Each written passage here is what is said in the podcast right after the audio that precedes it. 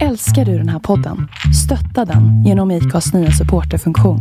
Det är helt upp till dig hur mycket du vill bidra med och det finns ingen bindningstid. Klicka på länken i poddbeskrivningen för att visa din uppskattning och stötta podden.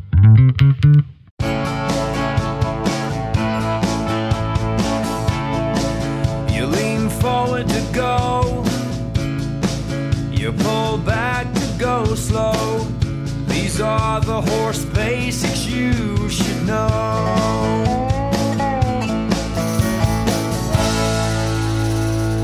Jaha, då var podden Hästprotest tillbaka. Vi, vi kan väl säga att vi har väl förmodligen Sveriges podd, glesaste podd med mest månader mellan avsnitten. Men nu är vi i alla fall igång och eh, Sanna Lundell är gäst idag. Hej Sanna, välkommen! Hej, tack snälla. Eh, vi är polare och grannar. Hjälps åt lite grann ibland, snackar mest tror jag. Men eh, ja, båda intresserade av västernridning och hästar i allmänhet och djur. Men innan vi sätter igång dagens samtal som ska handla om metoderna som jag har valt att kalla det för, så ska Sanna få dra tre vinnare i det här lotteriet som det snart har gått ett år sedan vi etablerade. Men eh, det är Anders Erikssons bok eh, Hästens förutsättningar med mera, världens längsta titel. Sanna drar nu tre vinnare under uppse- uppsikt av mig och det är de som har skrivit några vänliga ord på nätet om hästprotest. Emma Sinisalo, nummer två som dras här, är Bexy Kex. Det är alltså vederbörandes namn på Facebook tror jag så att eh, det ska vi ta reda på vem det är. Och så en tredje då. då. Therese Juel är den tredje glada vinnaren i det lilla lotteriet. Grattis! Ja Sanna, vi har ju pratat länge om att vi ska köra dagens avsnitt. För vi pratar ofta om det här du och jag när vi snackar och oftast har det ju hänt något som vi är skitupprörda över. Och jag är oftast arg för att människor som anammar de nya metoderna, de snälla inom citattecken säger jag, de eh, har en tendens att näpsa oss gamlingar som hållit på i 40-50 år med hästar och tränat hästar professionellt och tycker att vi är snälla mot djuren men vi har vissa idéer om hur det ska gå till. Men här kan de komma in och säga att allt vi gör och har gjort och lärt oss av människor som hållit på 50-60 år före oss är fel och det gör mig jätteupprörd och jag har en känsla av att det är vanligare att kvinnor näpsar kvinnor vilket gör mig dubbelt upprörd. Eh, och jag har svårt att se några andra yrkesgrupper som råkar ut för det här. Att det kommer in en pur amatör och säger nej det där är inte fördelardosan. Den ser inte ut så där. När den har lämnat in bilen på verkstaden. Utan man vänder sig till proffs och så kan man naturligtvis ställa frågor men man är inte så jädra elak som de här människorna kan vara. De är oftast lika elaka mot oss som de säger att vi är mot hästarna. Hur kom vi in på det här från början? Hur började det att vi började prata om det här? Det måste ju ha uppstått någon gång i något sammanhang. För det första så måste vi tycka att vi själva då gör ungefär lika någorlunda. Ja, jag tror att vi upplever att vi gör det eftersom vi kommer ur, eller vi har ju mött varandra i västernsammanhang från början. Innan vi blev grannar så träffades vi för första gången när vi var på kurs för John Moore. Ja, Kommer ihåg att du var där med lilla Rummel som hade lite ja bockningstendenser. två ponnyer. Rummel och Scooby-Doo var vi Ja, där med. just det. Och Amanda med va? Och får jag flika in här? Det är fyra män som har frågat mig om råd och tips i Sverige om hästar. Det är män, aldrig någon kvinna så vitt jag vet och framförallt ingen amatör. Eh, Det ena är Göran Lindström som är en av de bästa vi har i Sverige på cutting. John Hickey, väldigt högt upp i eh, hoppeliten. Eh, KG Svensson, den numera Legendariska men Ja. framlidna. han har ställt en fråga till mig. Och Per Duvefelt som tränade mig i dressyr för att jag skulle rida västern. För jag kan nämligen göra crossovers. ja. De fyra har ställt frågor om mig, till mig om hästar. Och John Moore, den kursen vi var på, det var första gången jag träffade honom. Då sa han till mig, You're a professional, aren't you? Ja. Sa han till mig. ja. Men det är ingen kvinna i Sverige som någonsin antytt att jag skulle vara professionell i mitt eh, utövande. Så det var, då, bara där fick jag en känsla av att han ser när någon hanterar hästar med vana. Då hade du med dig Minna, hon var ganska ung. Ja, hon var två. Ja, Så jag var där med henne för att göra grunderna. Och jag minns att det var väldigt ögonöppnande för mig att vara där. Jag började ju rida västern eh, bara några år innan jag fick Ninna och hon var ju ett år och då var jag ju helt fortfarande så skolad i den liksom engelska ridningen som ju härrör ur det, ur det militära och liksom svensk ridskoleverksamhet och Svenska ridsportsförbundets eh, idéer om både säkerhet och grundutbildning av hästar och så vidare.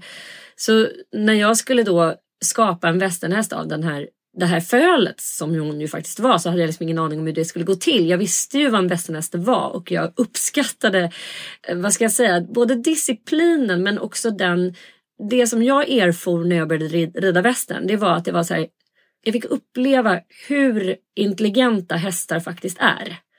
Tänkande varelser. Ja, tänkande varelser och att man ly lyckas få hästar att plocka fram den tänkande delen av hjärnan. För att under hela min barndom så var jag med om så många hästar som bara var i stress, mm. alltså i sina försvar. Mm. Flight or flight. Mm.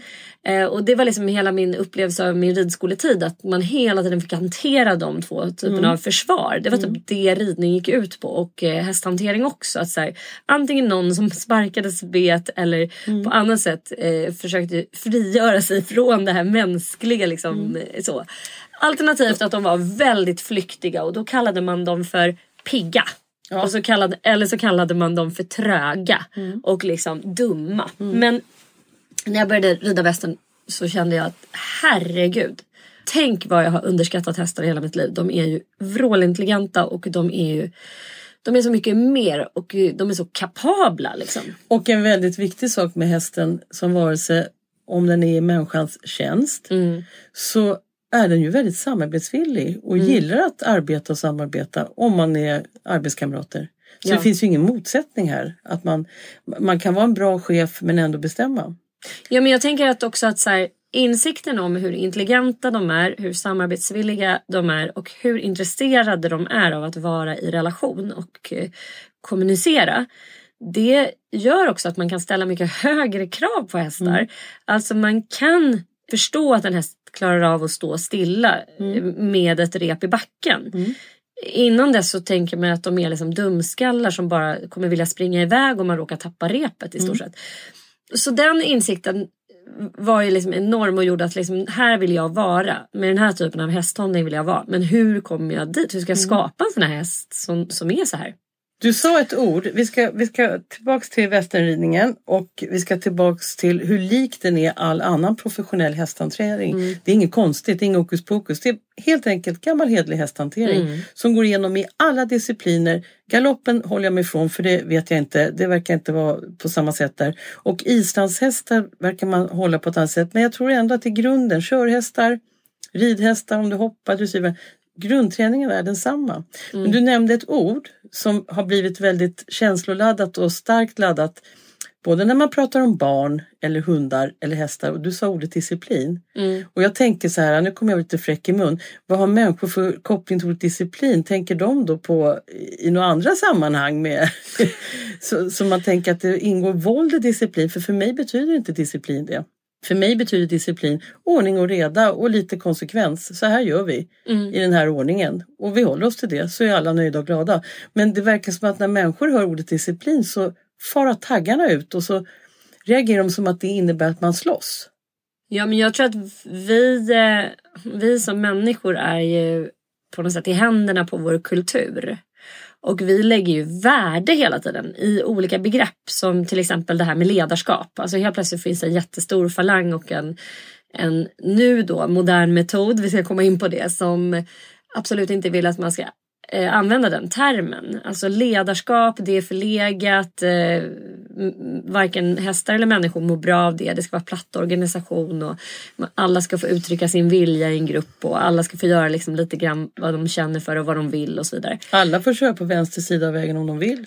Ja, och det, och det kommer ju och det är inte så konstigt tycker jag att den metoden är väldigt populär just nu eh, historiskt sett när vi lever liksom i en tid som är så präglad av individualism. Exakt. Där man liksom säger jag, jag, jag. Man vill inte liksom behöva ta hänsyn till någon annan än att bara få utveckla sig själv. Och det blir ju typ. ett problem för att om alla ska ha, det här tycker jag är ett problem med liberalismen. Gud vad vi svävar ut här. Vi tänker på John Stuart Mill då, ja. som, som menar på, om jag minns rätt från mina eh, filosofiska studier, att att vara liberal, och nu pratar jag inte om eh, Folkpartiet och nya liberaler, jag pratar om liber, liberalismen som att jag har rätt att utöva min frihet så till en milda grad men inte att den påverkar dig. Mm, och precis. den sträck, det strecket har vi ju passerat nu tycker jag i samhället. För nu ska alla utöva sin egen rättighet så till den milda grad att den faktiskt Påverkar, påverkar andra människor. andra människor. Mm. Och då kan ju inte du utöva din frihet. Nej. För då krockar ju den med min. Mm. Och, och där blir det ju en logisk vurpa hos människor som tänker så. För att leva i ett samhälle slash flock, Mm. som är samma sak, eh, betyder ju att det måste vara någon jävla ordning. Ja. För annars så kommer någon trampas på. Mm. Så att egentligen så är ju deras sätt att tänka mer odemokratiskt. Mm. För det blir ju individer som hela tiden ska ta för sig. Och i min värld så blir det de svaga som kommer till korta då. Ja, verkligen. Eh, och det är märkligt också att de, den här metoden... Jag tycker att vi säger vad den här metoden kallar sig själva för just nu. Så Ja. att alla förstår det, de som lyssnar. Det finns så. ju lite olika men det är särskilt den vi har snöat in på. Det är särskilt en eh, som vi har snöat in på som kallar sig relationsbaserad hästträning. Jag tycker det är lite kul för jag brukar skämtsamt säga att, att all form av träning är ju relationsbaserad. Tortyr måste ju också vara en form av relation. Ja, ja, det är helt korrekt faktiskt. Även om den kanske mest eh, har vinster för den ena parten i relationen. Och det är troligtvis inga vinster i långa loppet heller. För ingen mår väl bra av att Nej. plåga. I Nej. slutändan tycker jag. Men, ja, men det är i alla fall vad den här metoden eh, kallar sig. Och Finns det någon grundare? Jag tror att alltså, den gruppen som finns på Facebook då som, som marknadsför den här metoden. För det ska man ju veta också att det är två tränare då som, har, som är upphovsmän till metoden. Som, Eller kvinnor kanske Ja, kvinnor säga. är de. Upphovskvinnor. Mm. Så det här är ingen vedertagen metod men de bygger ju då sin metod på framförallt inlärningspsykologi som ju då bygger på positiv förstärkning enkom. Positiv förstärkning och negativ förstärkning är ju liksom två olika begrepp som man använder inom behaviorismen. Och de använder ju då klicker och de använder alltså belöningar i form av treats, godis, för att shapea fram beteenden. Alltså förstärka önskade beteenden och ignorera oönskade beteenden. Och det här är ju väldigt populärt även i hundvärlden. Det vet ju du också som håller på med hundar. De som förespråkar... Och barnuppfostran. Och barnuppfostran, ja absolut. Och det finns ju alla möjliga olika typer av idéer kring det. Och, och jag ska säga så här. Jag generellt är superintresserad av alla typer av metoder när det gäller djur. Djur till skillnad från barn kan ju inte prata om sina upplevelser av sin eh, typ barndom.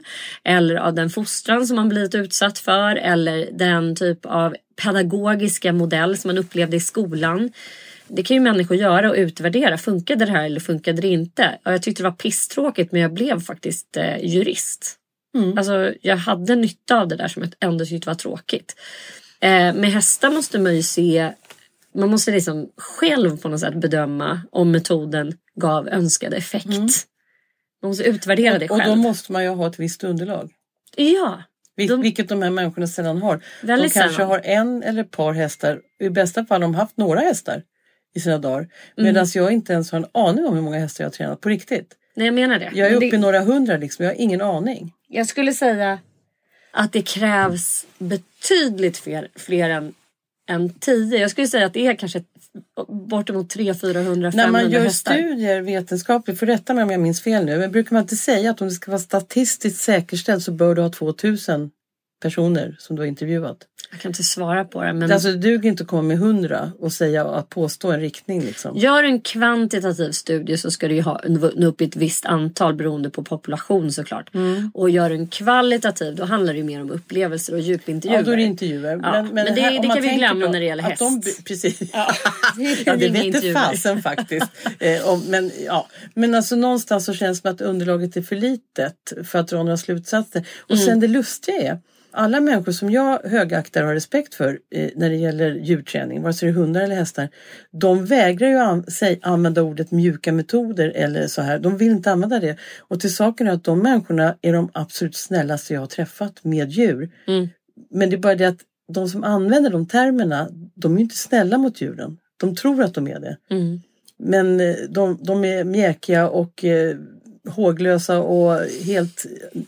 De vet inte hur man hanterar helt enkelt. Men de här människorna jag känner som aldrig skulle använda det, de är, deras djur liksom dyrkar dem. Mm. Och det, det som jag tycker är jobbigt med den här typen av hästtränare eller människor som lär ut det här, det är att de går inte att argumentera med för att när mina hästar står snällt och uppför sig Mm. på stallgången, vilket de behöver göra 30 till 45 minuter om dagen, resten får de göra vad sjuttsingen de vill, då lyckas man alltid få det till att de är liksom tuktade att bete sig så. Nej, men det, ett begrepp som återkommer och som de fullkomligt älskar att strössla all typ av då disciplin med. Det är inlärd hjälplöshet. Just det, och det är faktiskt ett Mm. annat begrepp fick jag lära mig här om veckan. Ja, och om vi nu återgår till det här med flykt, försvar och så har vi då en annan respons och det är inlärd hjälplöshet. När man, alltså freeze brukar man ju beskriva det som också. Att man bara liksom man, man bara underkastar sig den här auktoriteten som är så våldsam så att du i rädsla för ditt eget liv bestämmer dig för att foga dig.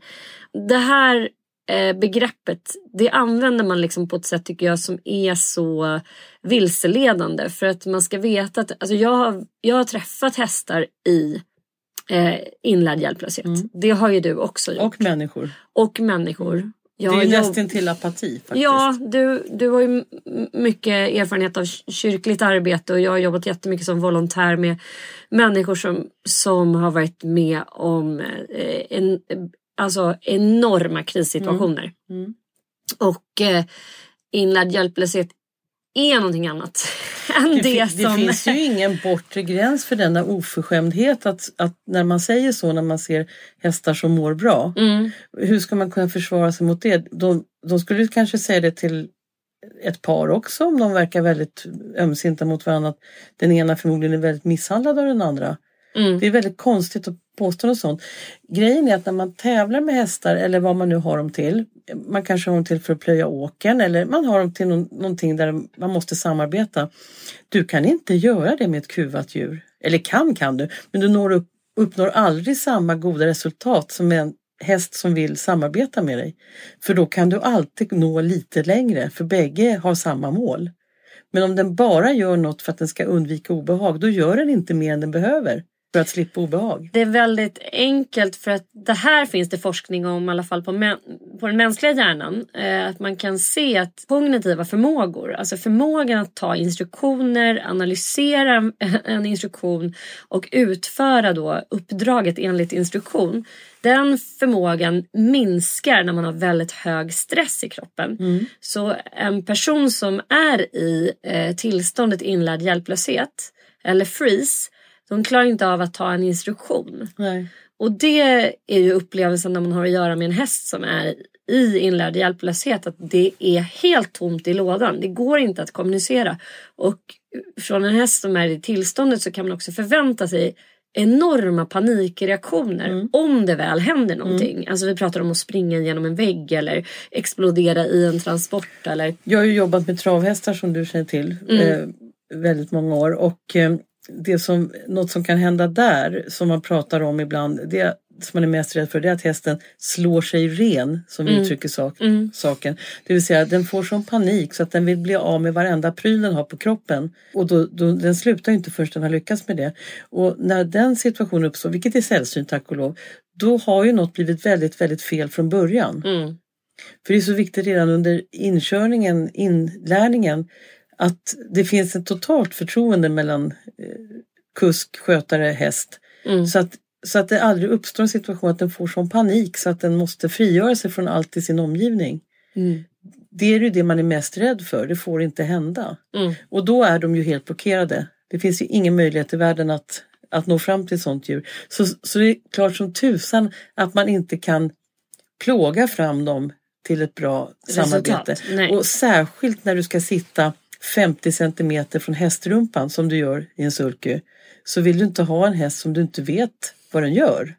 Nej, precis. För då har du inget nylle kvar sekunden efter. Det måste finnas ett förtroende Mm. emellan. Och det handlar inte om att vara förtryckt. För då kan det här hända. Mm.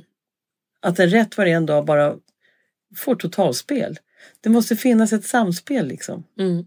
Konstigt att i takt med, det kanske inte finns någon relation mellan de här två sakerna, men det är lustigt att i takt med att de här metoderna eller metoden breder ut sig, desto fler ohanterliga hästar har vi. borde det inte vara tvärtom om det var så bra?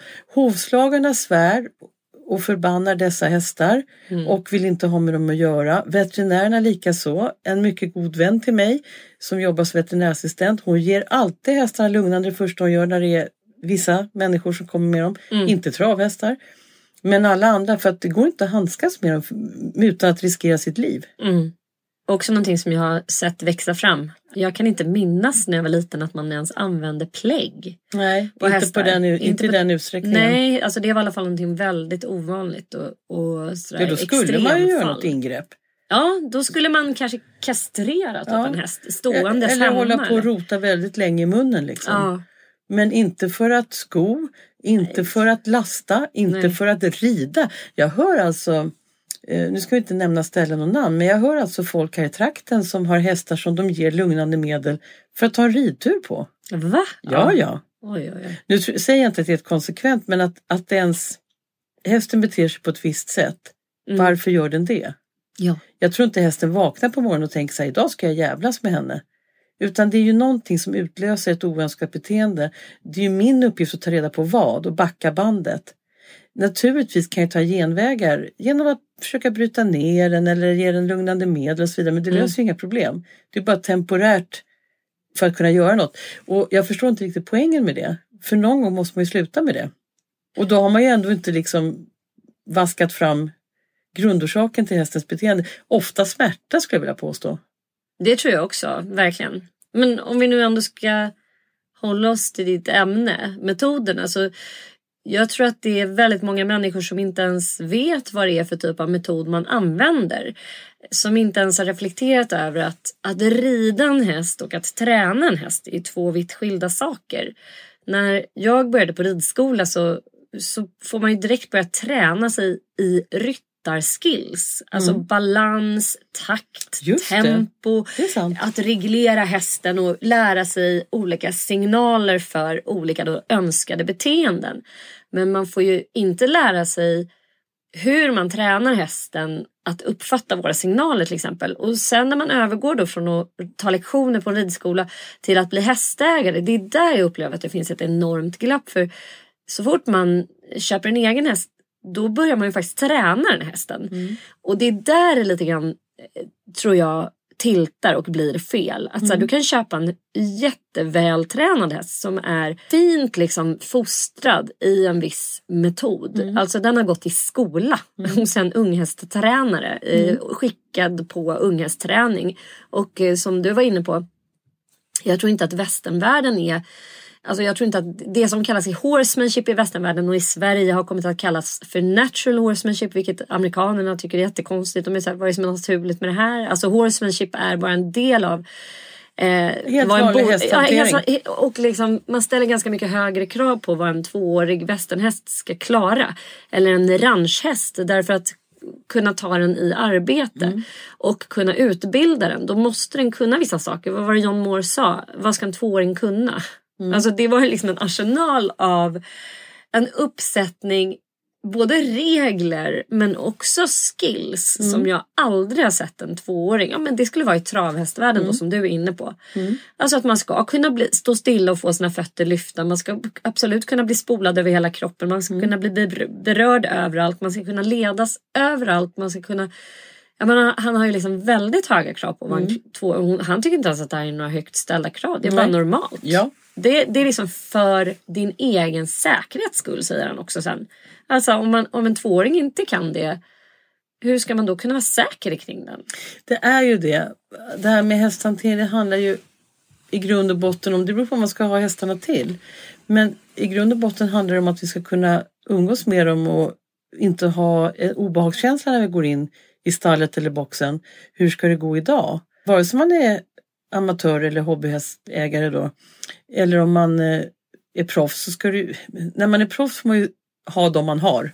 Om man har andras i träning. Det är bara att bita ihop.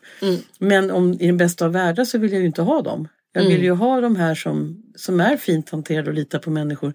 Därför att det är så farligt. Därför att en normalt stor häst väger 600 kilo. Den kan ju ha ihjäl av misstag liksom. För mig blir det också så här, vadå horsemanship? Det här är ju inget konstigt. Och det pratas ju nu när man läser på Facebook eller att, som att natural horsemanship vore en särskild gren. Mm. Men allt annat är något annat. Och jag menar det är ju så här man hanterar alla hästar. Om man åker till hovstallet eller ja, var man än åker så är det så man hanterar hästar. Och då har det blivit som att det är något särskilt. Men det gör man inte annars. Och då tänker jag, jaha, hur gör man då? då? Det, det blir jättekonstigt. Sen kan man ju naturligtvis, om man har jobbat hos väldigt många som jag har gjort, så finns det ju en grund, en bas liksom hur man hanterar hästar. Sen har ju alla sina specialiteter såklart. Och då plockar man ju med åren russinen ur kakan, det som passar mig Mm. som person.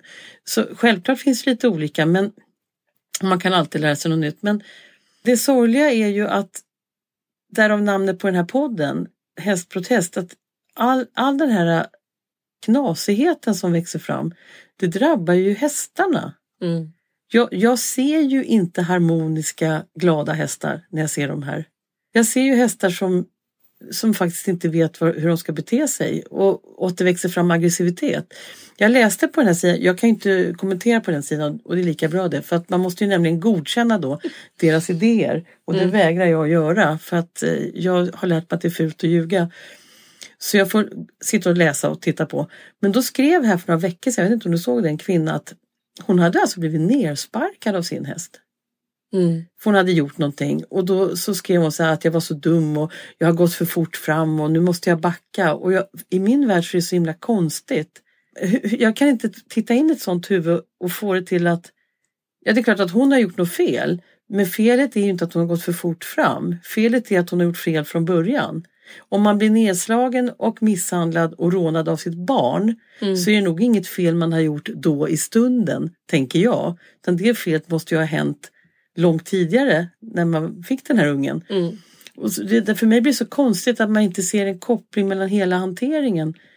Och det är kanske ett under att hon överlevde. Det som är lite vilseledande med den här metoden och som grundarna då på något sätt eh, tycker jag vilseleder i sin marknadsföring med. Det är väl att eh, metoden hävdas eh, ha liksom vetenskaplig grund. Att den är vetenskapligt beprövad och sen så hänvisas det då till olika studier i hästens etologi och olika studier av liksom hästens stressrespons och så vidare. Du har ju tagit en liten Ja, titt då på jag här, för att det här är ju, jag kan säga så här, rent generellt så lever vi just nu i just ett så här vetenskapsälskande samhälle. Att allt ska vara vetenskapligt verifierat och all, alla metoder oavsett om det gäller psykologi, det är därför vi älskar KBT helt plötsligt och inte Då åkte den inte vanliga... psykodynamisk Nej, då terapi. Då får man liksom inte, Försäkringskassan godkänner inte det. Liksom. Så eh, just nu så lever vi i en tid, eh, och det gäller även inlärningspsykologi. Ja. Att liksom de studier som är mest moderna och de ska också gärna vara tillverkade i Sverige. För att de ska vara så att säga godkända på vår population och vår hästpopulation då på något sätt. Och det här gör att jag tror många är så här, ah, men det här det här är rätt och riktigt. För det, här finns det vetenskap bakom. Allt det andra det är bara massa gamla förlegade idéer om, om liksom ledarskap och underordning och att hästar är liksom söker efter ett gott ledarskap. Och så. Man, man, man avskyr det, den tanken i, i, i den här metoden. Upplever jag det som i alla Därför fall. att man blandar ihop saker och ting. Jag har vid ett par Och man lägger, tillfällen... värde i, man lägger väldigt negativa värden i ordet ledarskap till Ja, exempel. så blandar man ihop. Jag, jag ska återkomma till det för att det finns ju saker som får en annan att må illa. Jag har kollat på två saker. Nu, nu kan jag faktiskt inte återge vad de heter men det, jag har varit inne och tittat på den här sidan och de har refererat eller lagt ut länkar till studier.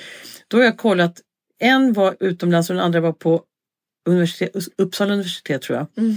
Och då, eller om det var SLU. Linköpings universitet, de håller på mycket SLU med var det någon. Ja. Och, och då gick jag in och tittade. Och då visade det sig att det, den studien det var ju motsvarande en B-uppsats. Mm. Vilket är alltså förberedande studier för att lära sig att forska. Det är liksom lite övning för att lära sig att göra Mm, Det är andra året på universitetet så skriver Ja. man ju en B-uppsats. Eh, Och eh, de brukar sällan vara särskilt omfattande utan det är bara att man ska få träna i att ju arbeta, använda Att vissa metoder. Ja. Mm. Och så det tycker inte jag är särskilt hållbart till att börja med. Den andra var utomlands och det var ungefär lika vag. Och det var i alla fall inget som jag kände så här, wow, oj vilken upptäckt. Sen finns det en annan problematik för du säger det här med ledarskap och allting är fel. Nu får folk gå in och titta då på jag vet inte om det var SVT eller TV4, men du har sett den här vargdokumentären kanske från Kolmården. Mm. Alltså om det är den typen av ledarskap de hänvisar till, den har inte älskats av många någonsin. Nej. Jag har ett par hundböcker från 50-talet som jag gärna bläddrar i och då tänker man kanske 50-talet, ja då ska man sparka hundarna och kasta Mm. dem i backen. Jag blir så glad ibland och rör till tårar på riktigt när jag läser i den. För då står det så här. Eh, Den heter Hundboken 1 och 2, bland annat Kennelklubben ligger bakom den. Men varje kapitel är författat utav experter på det området. Och om och om igen ser jag av olika författare i de här böckerna att om man håller på på det viset med sin hund, då ska man nog inte ha hund överhuvudtaget. Och jag har även hittat gamla hästböcker där man skriver så. Så det har aldrig varit okej att plåga och misshandla och trycka till djur. Det är en missuppfattning. Det har alltid varit en avart. Mm. Och förr i tiden, det har jag hört av gamla bönderna här, de har haft häst allihop. Man såg sig inte med blida ögon om man var en hästplågare. Om man var elak mot sin häst, då låg man inte bra till. Så det är en missuppfattning att det här med att man vill ha ordning och reda och ledarskap, att det innebär per definition att man lyfter och dänger och kastar och sparkar och att man ska, det här med vargarna tänker på, man ska liksom trycka ner. Det ser man det här. Man ska trycka och lägga ner Ja. och sådär. Just det. Mm. Lägger folk ner sin hund, jag blir tokig. Mm. När hundar gör så med varann, då har det gått väldigt långt. Mm. Då är det inte fråga om att göra upp, det har gått väldigt långt. Hundar drar sig i det längsta för att hamna i konflikter för det kan nämligen innebära deras död. Mm. Så att man går runt varandra i första hand. Så jag tror att man refererar till saker som ingen jäkel tycker om. Mm. Man tror att det är någon som har förespråkat, och det har väl alltid funnits, sådana här grupper där man, eh, ja, gammeldags metoder säger man, men det har aldrig varit gammeldags metoder, det är vissa som har utövat dem. Ja, och det, det är väl ungefär som att dra slutsatsen att alla agade sina barn. Eh, Före för att det var lag, ja, före lagändringen. Och det, så var det ju definitivt inte. Utan det, det var ju liksom, det var sett med väldigt så Ja. stränga ögon att man gjorde det. Och eh, det förekom inte heller frekvent i skolor. Även om det gjorde det av vissa sadistiska personer som då på något sätt hade rätten på sin sida. Vilket är avskyvärt och dumt. Men jag upplever också att i framväxten av nya metoder och eh, teorier så finns det en iver att svartmåla det föregående. Det ser man ju liksom prov på när, det, när idéer, alltså idéhistoriskt när det ska växa fram en ny och det har ju att göra med alltså att marknadsföringskrafter funkar på det sättet. Att säga, men gud köp min metod istället. För den här gamla metoden som alla håller på med, den är värdelös. Jag minns att det var så när, när natural horsemanship också då salufördes som en, eh, det var liksom en undermetod för alla typer av problem hos hästar och hos alla problemekipage. Och helt plötsligt så skulle man ringa liksom en horsemanship-guru för att få ordning på en stökig häst. Typ så. Och det tror jag liksom att vår falang av, av träning, om man nu ska kalla eh, horsemanship för en metod, vilket jag inte tycker att det är. För det, det finns liksom lika många och, och det är aldrig, jag har aldrig träffat någon som ägnar sig åt då den amerikanska västern. För det första så finns det inom västernridningen två ganska kraftiga falanger. Dels har vi att göra med vaquero-traditionen som kommer från Kalifornien och Mexiko. Som man kan säga att den horsemanship som jag har tränats av Jana i. Hon använder sig av den metoden. Är inte det John Moore också? Jo, John Moore också. Och då använder man ju sig av bosal och alltså det finns en uppsättning ledarskapsövningar egentligen som man gör i ett visst, eh, i ett visst mönster. Liksom, för att träna hästen i att framförallt desensibilisera hästen och eh, förbereda hästen för arbete. Och sen finns det ju den här Texas-skolan då från sydstaterna som är mycket mer inspirerad av engelsk ridning. Alltså den ridning som var modern i Europa när, när engelsmännen och fransmännen kom med hästar till USA. Så det handlar liksom om den, den hästkultur som växte fram i Nordamerika och i den kaliforniska skolan och mexikanska skolan. Eh, det som John Moore, det är ju väldigt lik klassisk dressyr som utövas på spanska ridskolan. Det är liksom, du har en bosal istället för en kapson och du har en round pen istället för en, jag vet inte vad det kallas för, de här små fyrkanterna. Och du tränar hästen, alltså en häst är inte en färdig då bridal horse förrän den är sex år gammal. Och i spanska ridskolan så ser du ju också den här väldigt långsamma skolningen av hästen. Eh, och förberedandet för boskapsarbete. I, I Spanien så, så, så hade man ju också då stora boskapsjordar och tjurfäktning. Och Åh, ja. annat som man använde hästen till. Och också i krig. Men Vi har ju använt hästar generellt skulle jag säga.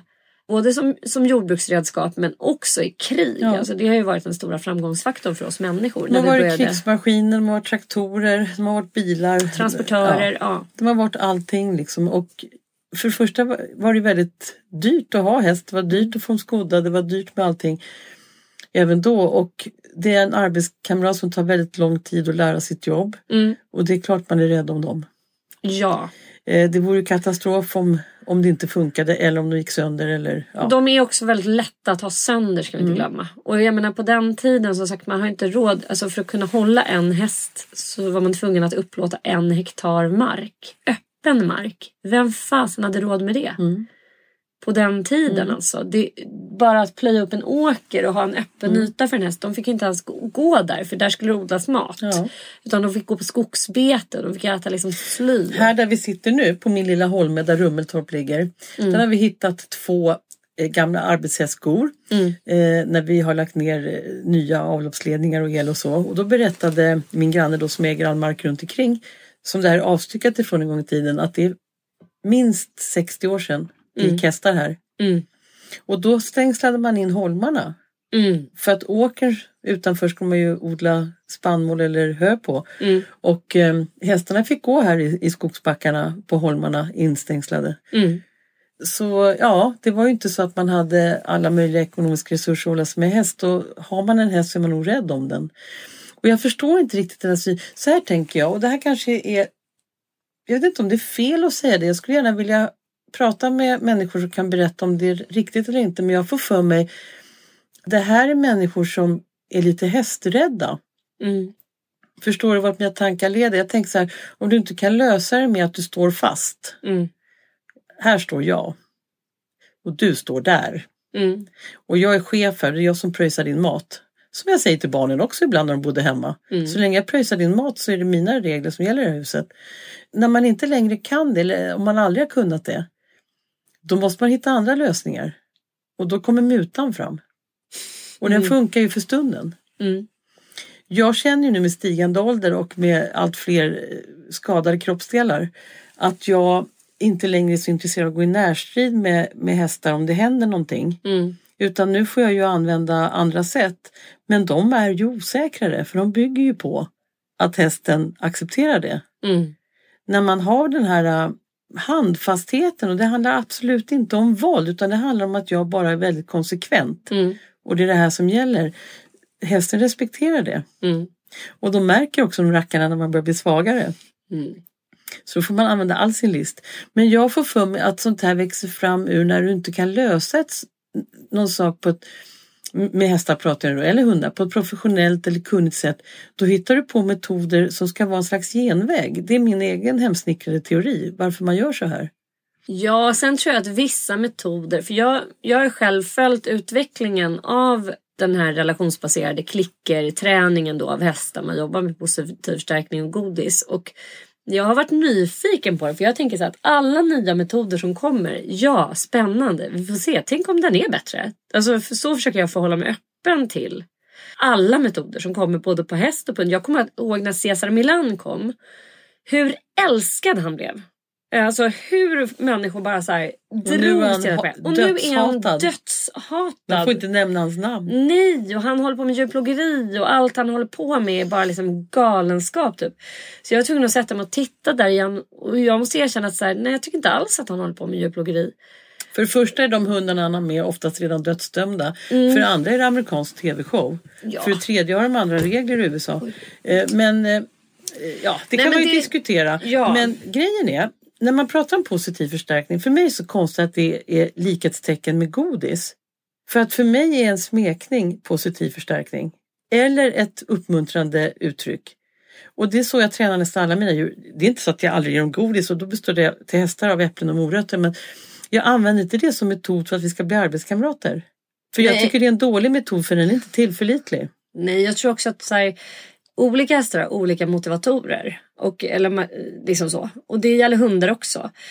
Jag har haft en Jack Russell som var helt ointresserad av godis. Det, han var inte en hungrig hund på det sättet. Mm. Nej. Små hundar är sällan det. De kan liksom gå och peta i sin mat. De har ganska lätt att fylla sitt Mm. Men energibehov. han kanske gillade lite dragkamp.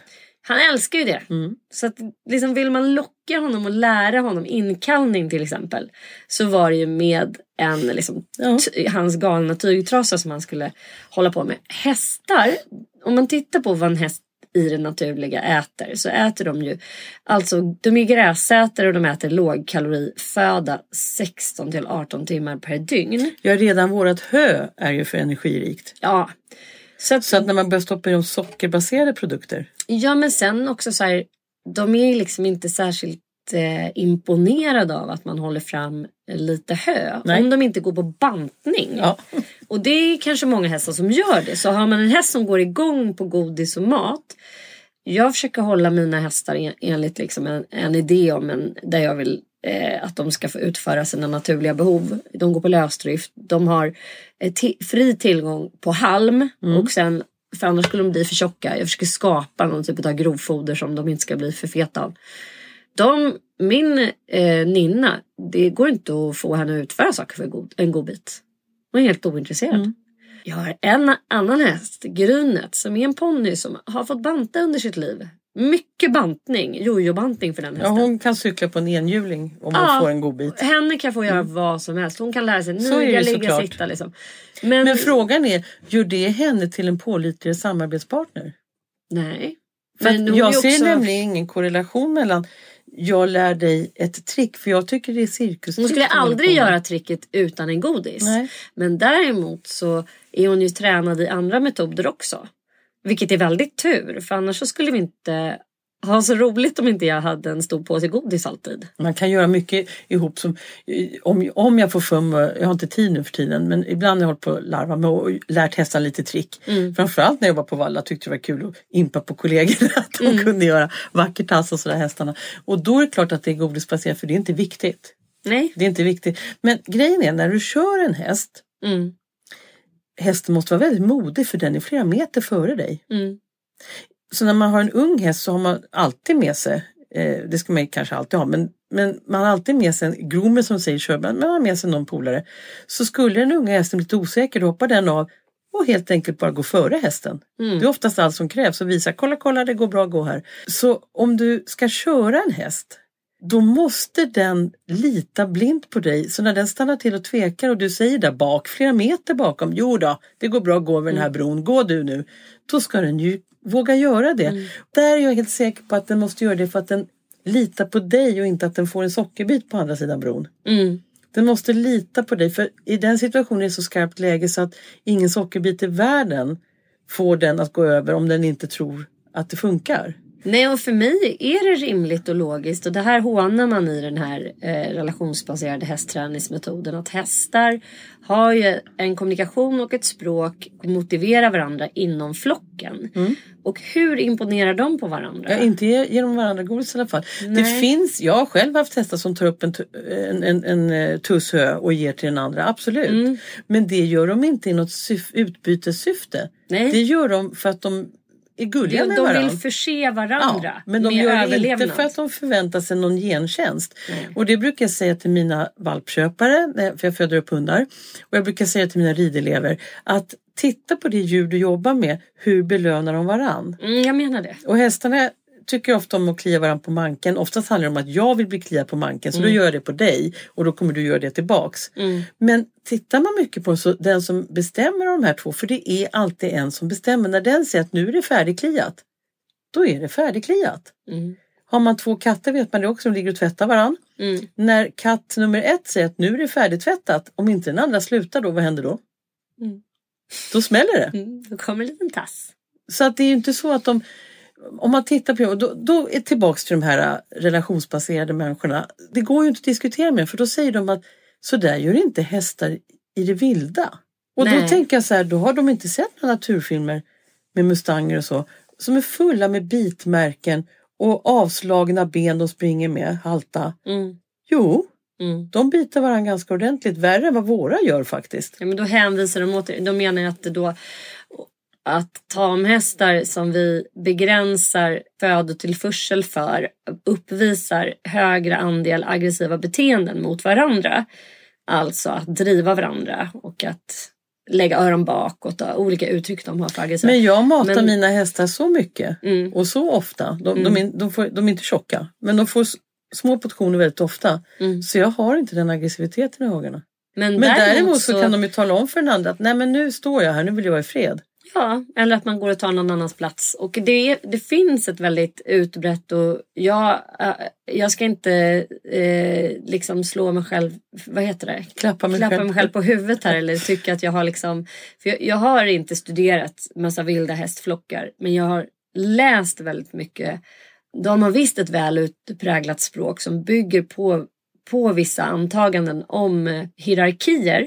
Och sen ser det inte alls ut som man kanske tidigare tänkt att det finns liksom någon alfahona. Det har man ju konstaterat i, i vargflockar också. Man har alltid trott att det är någon alfahona. Men utan det är familjeflockar och det är det ju med hästar också. Det, det jag kan tycka är mest onaturligt i våra, häst, våra tamhästars värld.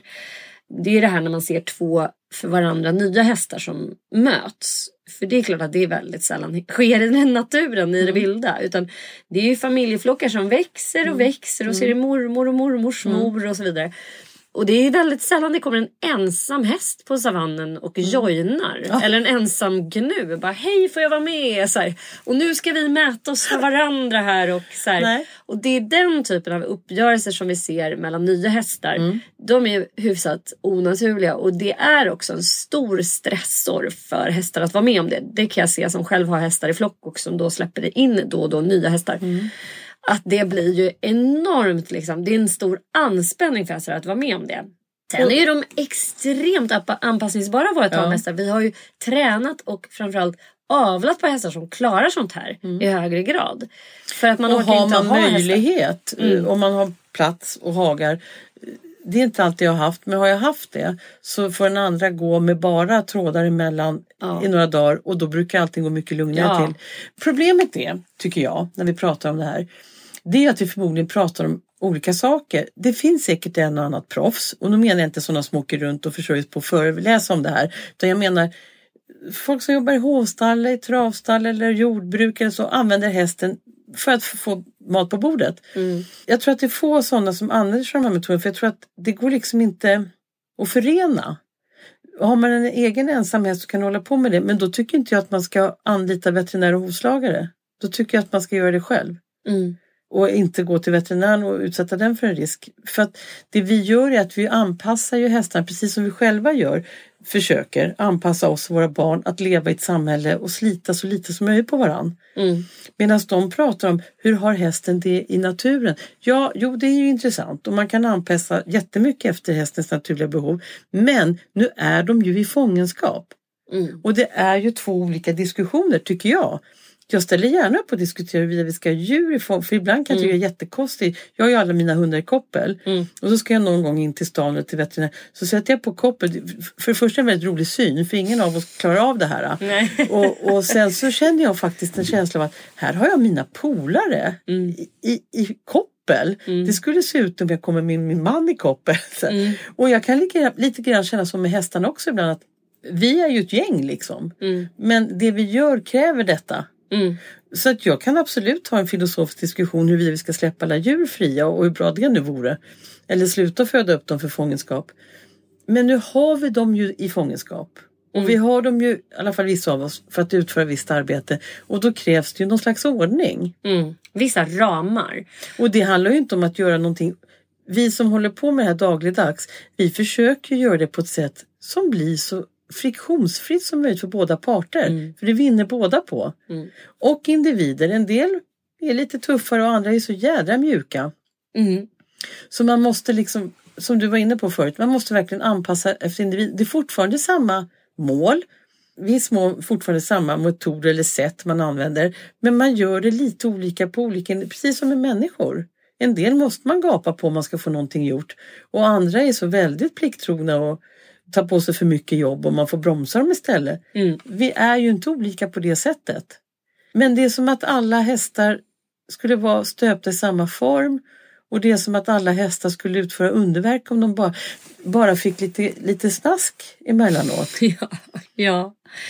ja, men visst är det så. Och sen tror jag också att människor är lite hänförda av den metoden. Dels för att den då påstås vara mer schysst, alltså en snällare metod, en mer etisk metod för att få träna häst, liksom. få då önskade resultat fast på ett schysst sätt. Att hästen har då ett visst egenbestämmande och att man aldrig då bestraffar oönskade beteenden.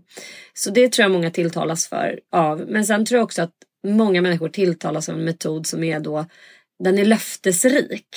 Och det handlar ju som sagt om marknadsföringsmekanismer. Att så här, om du köper den här klicken, om du gör den här metoden så kommer det liksom. Men jag kan säga så här, hittills har jag inte träffat en enda klickerhäst. Jag har träffat många som håller på med klickerhästar.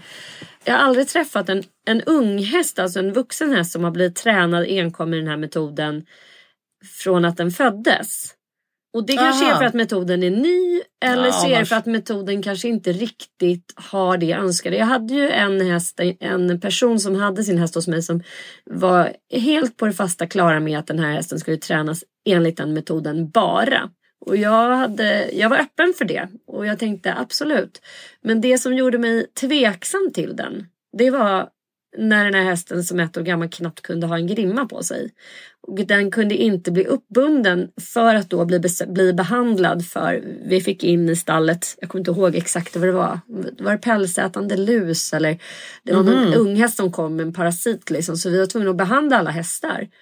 Och det var ganska svårt då plötsligt. Och jag tänker ur ett säkerhetsperspektiv så är det klart att en häst behöver bli klarad att bli ledd i grimma så fort som möjligt från födseln. Plus Med tanke på att de kan rymma. Det kan springa in en det kan vara en galen människa som går och klipper trådar. Så har du häst på rymmen. Kan du inte fånga in det här stackars fölet då för att du absolut bara ville jobba med positiv förstärkning. Så redan där uppstod det problem. Och sen... Då blir det ju jättemycket stress för hästen istället när den dagen kommer då du av olika skäl måste göra någonting. Mm. För då har den inte fått lära sig att lita på det, att det här kommer gå vägen. Jag måste bara fråga om du vet, för jag vet inte vad jag har läst eller hört det här så jag kan inte hänvisa till någon källa. Men jag har en bild av att det var delfintränare som uppfann klicken därför att det är så svårt att ge dem en strömming när de är 100 meter ut i vattnet eller 50 meter i bassängen. Mm. Så Pavlovs dog typ, att man lärde dem att klick, klick, klick så får en god sak. Så att de fick liksom endorfinpåslag, ja. Exakt. Och, och då, då finns det ju ett skäl Mm. för att de är där ute och jag sitter här. Och vad tränade man? Jo, trick. Mm. Du, de skulle väl inte köra brudpar eller hämta statsbesök på Arlanda med delfinerna? Som kungens hästar ska köra statsbesök. Nej, Pelle har ingen lust idag så vi får köra trespann. Mm. Utan det här var ju djur som ska göra trick för att vi besökare och turister ska ha roligt. Mm. Och då kan jag tycka att så fort det handlar om cirkuskonster, inte mig emot. För det är inte viktigt. Jag var på en klinik också med Men känner du igen det? Ja, var det delfintränare? Ja, Eller har det jag hittat på nej, det? det? var- det är helt korrekt. Alltså varför har man en klicker? För det ska höras långt bort. Just Och det. den, jag tror till och med att klicken också kan användas under vatten. För att ja just det, det, är kan den ju. Du kan Den välja. låter ju som deras snattrande. Mm. Just det. Och dessutom så tänker jag att ett ljud som vi själva, själva väljer. Alltså jag personligen tycker att det är, skulle vara krångligt att, att förlita mig på den där klicken. Att man måste ha en klicker. Och det är liksom inte själva klicken är inte som är grejen. Utan du kan ju välja att säga liksom Ja, god jul. dagmask. Och ge en godis. Och sen är det bara dagmask. De Ja. kommer ju lära sig att älska ordet Ja. dagmask. Det är ganska Eller en pingla enkelt. som Pavlo. Ja, en pingla. Eller som vi i hundträningen har haft, alla vi, i alla fall vi som har fågelhundar, en visselpipa. Mm. Som vi har haft jämt, jämt, jämt. Det är ganska användbart om man har jakthund som befinner sig långt, långt bort. Jag pratar jättemycket med mina djur. Jag pratar med hundarna, med hästarna och de har osedvanligt stort ordförråd. Mm. Och det är ju för att jag pratar med dem. Så de kopplar ihop vad jag säger med vad jag vill att de ska göra. Och belöningen för mina djur är att jag har alltid när de är små eller när de kommer nya, jag smeker dem och klappar dem samtidigt som jag säger bra eller duktig. Mm. För det är också, du behöver inget godis, det räcker med smek. Så när jag, när jag står en bit bort och berömmer mina också fågelhundar, då ser jag hur de liksom skiner upp. Och bara nästan får Och en Matte känsla i älskar kroppen. mig Mm. för att jag gjorde det här. Så att man behöver inte komplicera saker och ting. Man behöver inte stoppa in det i rutor. Det är inget hokus pokus. Det, det är så här vi borde vara mot varandra vi människor. Ja men vet du, jag tror också så här. Vi underskattar hästars och... Alltså jag tycker också att metoden underskattar vad ska man säga, utföraren. För det jag tror att vi upplever när vi sitter här nu. Bara det är belönande. Det vill säga socialiseringsprocess. Vi har trevligt med varandra. Vi har ett utbyte, vi bekräftar varandra. Vi eh, skapar liksom någon typ av eh, sammanhang där vi, ja men vi skapar ett sammanhang för det första. Bara det är berikande för oss och belönande. Och hästen, till skillnad från oss, är inte alls lika individualistiska som vi. Alltså de uppskattar ju en i ännu högre grad än människor att vara i flock. Vi är rovdjur. Vi kan klara oss själva 43 dagar på en öde ö och eh, liksom äta en orm. En häst skulle inte klara sig själv ute på en stepp i mer än typ ett dygn. Den skulle få sömnbrist. Den skulle bara vara helt här har du förstörd. någonting som jag faktiskt, det här stämmer, det törs jag säga rakt ut. För att jag har Mm. ju får också. Och ibland har jag får och hästar ihop. Och om jag inte har så många får och inte så många hästar, då går ju fåren och hästarna tillsammans. Ja. Mm. För de vill ha en flock. Och de vet att det är bra om vi är många. Så vi hjälps åt. Och Så hålla de koll. håller ihop. Mm. Och det gör de alldeles frivilligt och hästarna är jättesnälla mot Och till och med eh, en liten hingst jag har brukar leka med baggen. Så att han låtsas stångas med baggen så att de har lite roligt. Så att flockdjur verkar vilja vara i flock. Ja, och jag tänker att så här, den stora belöningen som i alla fall funkar bäst på mina hästar. Det är avslappningen. Mm. Eh, en häst har ju, tycker jag eh, mig kan se i dess egenskap att vara då utsatta gräsätare, alltså bytesdjur. Så har de liksom en förhöjd vaksamhet och en förhöjd sån livsångest hela tiden. De är ju så här, hjälp, när kommer någon och äter upp mig? Och det mest belönande för en häst det är att kunna släppa kontrollen och få stoppa ner huvudet i backen och äta när någon annan håller koll. Så att lyckas övertyga sin häst om att jag håller koll och du kan göra det du älskar mest, nämligen att släppa kontrollen och bara chilla här och gå ner i stress och komma in i den här koherenta pulsen när de är bara energibesparande, gräsätande, vegetativa liksom yogisar. Det är vad mina hästar uppskattar mest. Det där du säger nu, det är precis det det handlar om. Det här samspelet där hästarna har fullt förtroende för dig. Ja. Så att när du är med Mm. så kan jag Så vara lugn. Mm. Och jag brukar säga till mina elever att om du säger åt hästen att gå över bron, jag tar oftast bron för det brukar vara lite så här. Då måste du veta att bron håller. För du kan inte säga till hästen, jo då, det här går bra. Och så gör du inte det. Mm. En gammal häst kan kanske köpa det. Men är det en yngre häst så kommer den aldrig mer lita på dina taffliga beslut. Nej. Utan du måste ju vara en bra chef. Mm. Så när du säger att det här går bra och snart är vi hemma och du får käk. Då kommer den göra vad som helst för dig när du inte klantar till det. Och precis det du säger, jag brukar skoja, jag skämtar mycket med mina elever och säga att när jag ska förklara varför det är så viktigt hur man knyter dem, hur långt repet är. För jag brukar skoja och säga att hästens naturliga tillstånd är panik. Mm. Det är deras ursprungstillstånd. Så har du för kort får de cellskräck. Har du för långt så kan de få huvudet under repet. Och när de tar upp huvudet, ja då får de panik. Så att jag har hittat en idealisk längd på repet. Så att hela tiden går det ut precis på det du säger. Det går ut på att hela tiden ha dem i ett lugn. De känner sig trygga. Inget kommer att hända. De kan slappna av. Jag har koll på läget. Det är väl det som händer med de här hobbyutövarna. Att de hela tiden gör de här felen. Knyter för kort, för långt och hit och dit. Så det hela tiden uppstår paniksituationer. Och jag säger inte att det är fel att vara nybörjare eller amatör eller okunnig. Felet är att de inte erkänner att de behöver lära sig mer.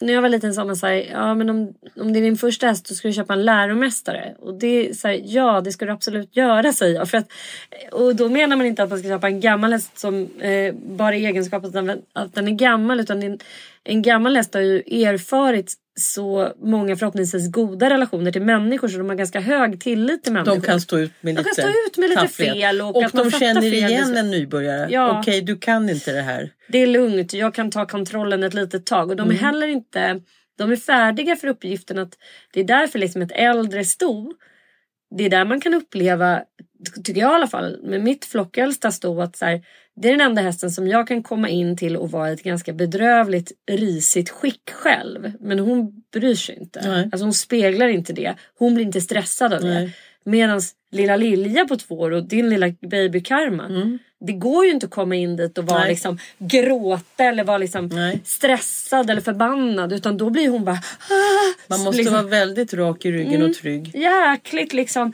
Man får ta fem djupa andetag, gärna tio innan man kommer in dit. Och så ska man ha en väldigt tydlig plan och presentera uppgifter som man vet att hon kommer klara och att man ser till att hon klarar. Så det kan ju vara liksom allt ifrån bara att gå ut en promenad utan de andra flockmedlemmarna. Vi ska börja runda av här så småningom. Men jag kom på en sak som en väldigt vuxen elev sa till mig, en kvinna som började rida ganska högt upp på åren. Hon sa till mig en gång så här, för jag, jag låter ganska, jag domderar ganska mycket så här. Jag kunde säga åt hästarna, stå still din jäkel, ska jag svetsa upp skorna på det. Och hon sa att jag ofta uttalade sådana här saker men hon sa att hon aldrig såg mig göra något hårt eller tufft med hästarna. Nej, för det slog mig att det har du rätt i, det bara lät mycket. Och jag tror att bara det här att jag var väldigt tydlig med att det här gillar inte jag att du gör. Mm. Eh, och kunde jag skulle jag svetsa upp skorna på det.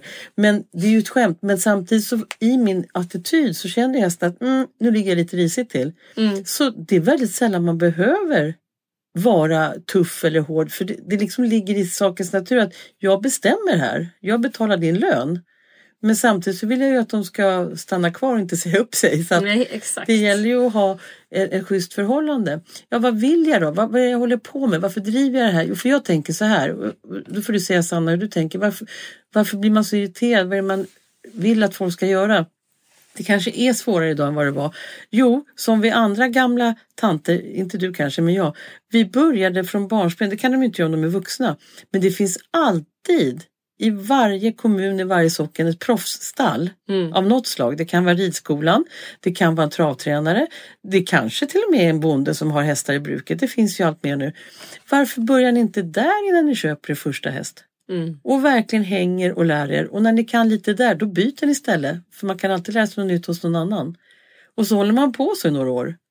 Tills man har samlat på sig en säck av kunskaper.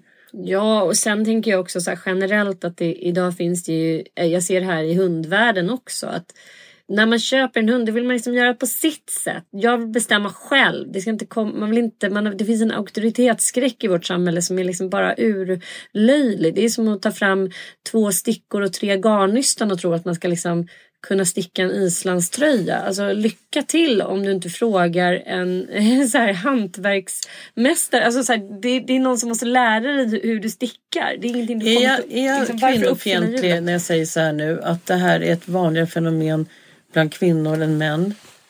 Att man inte kan stå ut med att någon, kanske rent av jämnårig, talar om för en att så här ska du göra.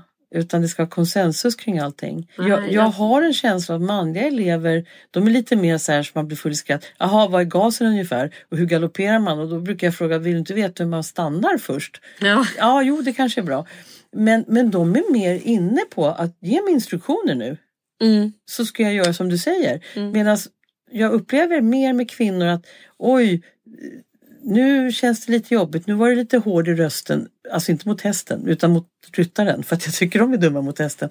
De, det är så väldigt svårt att balansera rätt när man ska instruera för det är ofta som det känns som att man trycker till dem. Ja men om man, jag tror som du. Eh, du har ju mött så otroligt mycket elever. Du har ju liksom drivit din verksamhet så länge. Eh, och jag har liksom lite kortare erfarenhet av du. Men jag, jag kan också respektera att det finns otroligt många som har ganska hemska... er- Jag frågar alltid, vi, vi driver ju hästyoga hos mig. Det är ett koncept där man kombinerar yoga för att komma in i det här lugnet och veta vad det är för lugn man Det är eftersöker inte så hos att hästar. hästarna står på ryggen Nej, på som i getyoga. det är inte det vi gör där. Utan vi försöker själva liksom först arbeta med yoga för att när jag höll på med hästar när jag var liten så upplevde jag stallet som en väldigt adrenalinstinn miljö. Därför att, lite eh, tilltufsande av de väldigt större flickorna. Ja, väldigt tilltufsande. Första och att- skötare och andra skötare. och- Ja, Ja. Det fanns en militärisk då, så här, det som jag inte gillar då med, med den svenska ridskolan så som den såg ut när jag var liten i alla fall. Att det fanns en strikt hierarki och det fanns också ganska bisarra idéer om att så här, Rädsla var det mest oönskade hos en hästtjej. Man ska inte vara rädd. Ju mindre rädd man är desto högre status sa man. Och det här pratar jag med alla som kommer till oss som har tidigare hästerfarenhet. Känner igen sig i det här. Att man maskerar sin rädsla fast alla, nästan alla är rädda. Och därför finns det liksom ett bristande, redan i grunden, förtroende för hästauktoriteter. För att man har liksom forcerats att göra saker som man inte riktigt vågar. Man har den här lite så här hierarkiska synen. Det har jag ju också haft. Alltså gudarna ska veta, jag vill inte svartmåla några specifika ridskolor här men jag red på en ridskola som låg mitt inne i centrala Stockholm på Östermalm. Där det liksom var eh, militärer som Mm. ägde den ridskolan. Och det var ju liksom människor som stod och skrek på en där. Och det var minst fyra, fem ungar som flög av varje gång. Hästarna levde ju liksom på över miljö uppstallade i spiltor och fick aldrig gå i hagar. Och hade ju fruktansvärt mycket liksom fördämd energi. Liksom. De, de fick ju aldrig utöva sin flockgemenskap. Alltså det, det var hästar som helt enkelt mådde psykiskt väldigt, väldigt dåligt. Och där männi- skulle man lära sig rida. där skulle man lära sig rida och inte träna häst. Nej, men det var ju liksom en ganska dysfunktionell miljö. Så jag kan ju förstå att det finns en sån stor sån tillitsbrist. Eh, liksom, om vi ska Men prata om visst det kommer som... man tillbaka till då min teori, för för jag tror att du har rätt. Och jag tror också att det stämmer då det jag tänker att man egentligen är rädd. Ja. Och då vill man ta någon genväg som handlar om Ja. muta. Men om man ville lyssna på de som har varit med ett tag, man behöver ju inte gå fort fram. Man Nej. kan ta baby steps som människa också, för det säger vi ju ofta, åtminstone vi som håller på som vi gör, att vi lär hästarna i baby steps. Mm. Att de ska lära sig sakta men säkert. Ja. Och det ska man ju naturligtvis göra med människorna också. Så att, Ja. Men man, min upplevelse är att vi kommer ju aldrig dit för de har ju taggarna utåt. Många av de här som är relationsbaserad träningsinriktade. Att de vill ju inte ens försöka. Det är som att de har en skräck för att de ska misslyckas, vilket jag tror att de inte skulle göra. Och sen också att man har, har man en föreställning om att alla andra metoder är djurplågeri då, då kommer ju hästen uppfatta den skepsismen. För hästar är ju, ex, alltså de är ju såna emotionella speglar så att det inte är klokt. Så känner man någon form av sk- skepsis när man eh, är tillsammans med en tränare så kommer ju hästen inte tycka att det där fungerar. Nej. Och sen tror jag också så här, ju tydligare en metod är desto enklare kanske man tycker att den är att applicera. Och det där beror ju också på hur man är som människa. För mig som, alltså jag, jag tycker att den här klicker-idén, för mig är den alldeles för, eh, hur ska jag beskriva den? Alltså den är så materiell. det blir för många steg.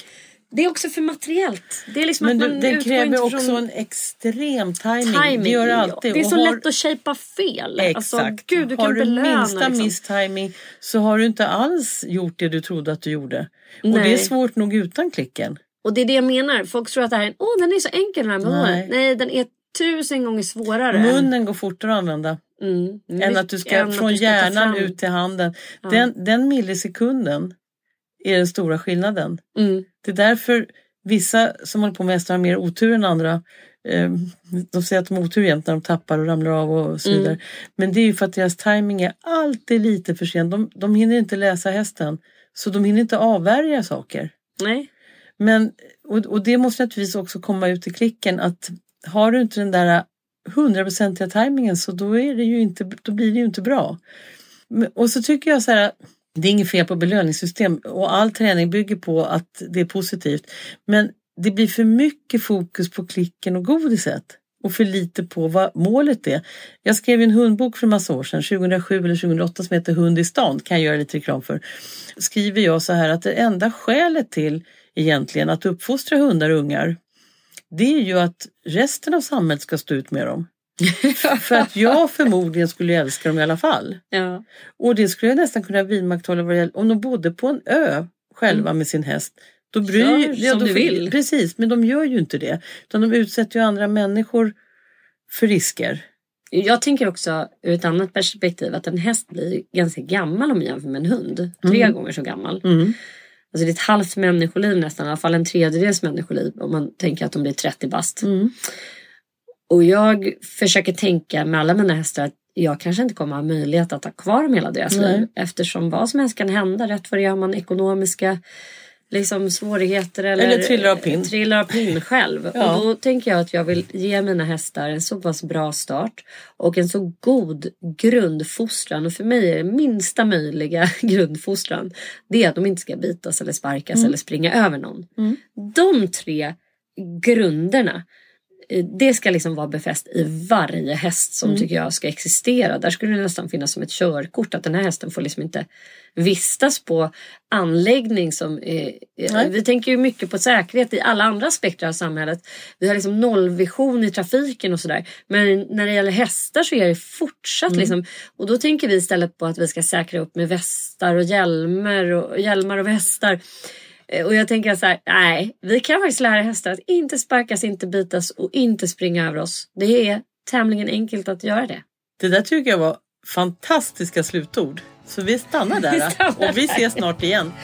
Och så vi. lite kortare till nästa avsnitt hoppas jag. You lean forward to go. You pull back to go slow. These are the horse basics you should know.